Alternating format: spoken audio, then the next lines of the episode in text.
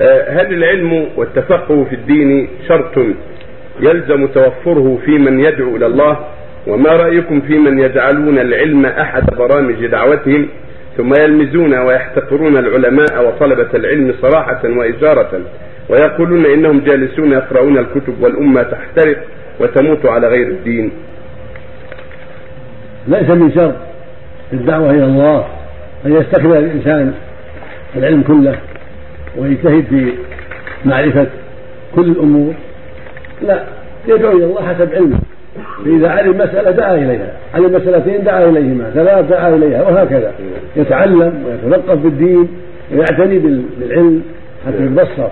لكن إذا علم شيئا من دين الله من شرع الله مثل الصلاة يعرف الصلاة وأنها فرض وأنها عمود الإسلام وأن واجب على الرجال أداؤها بالجماعة وأن الطهارة لها شرط ولا بد منها.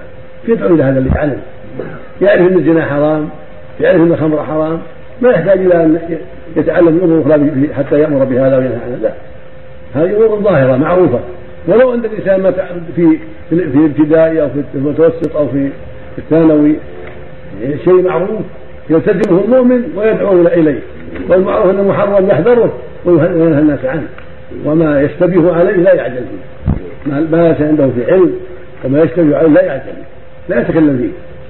بل يقول لا أدري حتى يتعلم حتى يتبصر. لكن الأمور التي تعلمها وعرفها عرف الصلاة وأنها حق وأنها دين وانها عمود الإسلام يدعو إليه. وينكر على من تركها؟ عرف الزكاة وأن حق في المال يدعو إلى ذلك.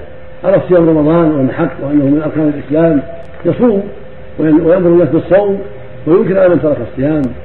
يعرف بر الوالدين وأن حق وأن العقوق حرام كبيره فينكر على من عق والديه ويامره بالبر يعرف أن شهاده الزور حرام. ينكر من يشهد الزور ويكذب يعرف أن الزنا حرام. ينكر من يتعاطى الزنا ووسائله يعرف أن الخمر حرام. ينكر على من يشرب الخمر. هكذا يكون المؤمن. يعني يعمل بما علم وما لم يعلم يتوقف حتى يتعلم. نعم.